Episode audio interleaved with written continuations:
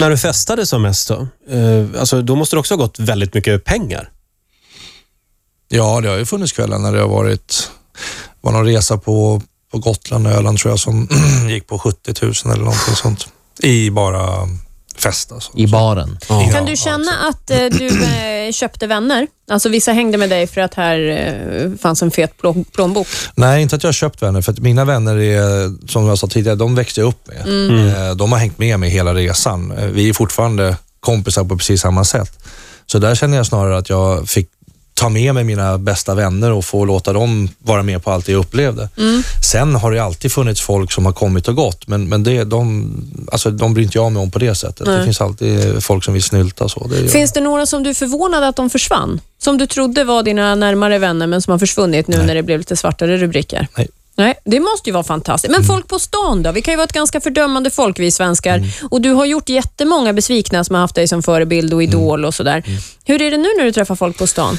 Ja, det, det, jag måste säga att jag är överväldigad över just vad folk säger. De pratar fotboll och de är glada att se mig och, och, och det är klart att det, det väcker ju mig och jag funderar ju lite på att har jag dragit ner mig själv för mycket under, den här, under de svåra åren? För att det är verkligen, fotbollen är stark, det märker man.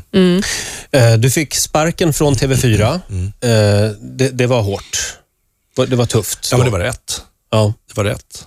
Eh, Och sen, sen eh, figurerade du i tidningarna tillsammans med eh, eventfixaren, eller vad vi ska kalla honom, Mikael Brinkenstierna. Mm. Och det påstods att du skulle bli ny marknadschef. Ja, vad det var det där? Nej, det vet inte jag. Det stämmer i alla fall inte. Jag har inte varit marknadschef. Nej, De, tidningarna tyckte det var ganska roligt att skriva om dig, så de kanske letade ja, efter jo. någonting. Ja, Men det nej, var, men det, jag har aldrig varit marknadschef. Nej okej. Nej.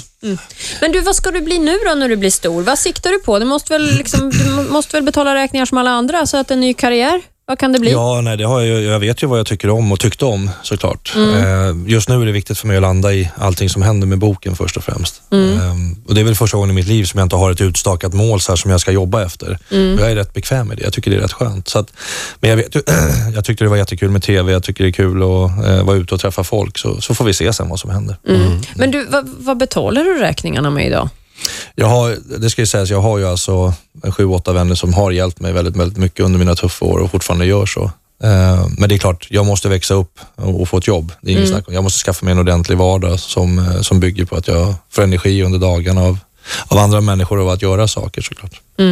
Ja, spännande. Ja, ska vi ta det här med, med eh, Linda Bengtzing också, ett namn som har förekommit lite grann i ditt Mm. liv. Eh, har, ni, har ni någon kontakt idag? Nej. Inte, inte daglig kontakt så, nej. Nej.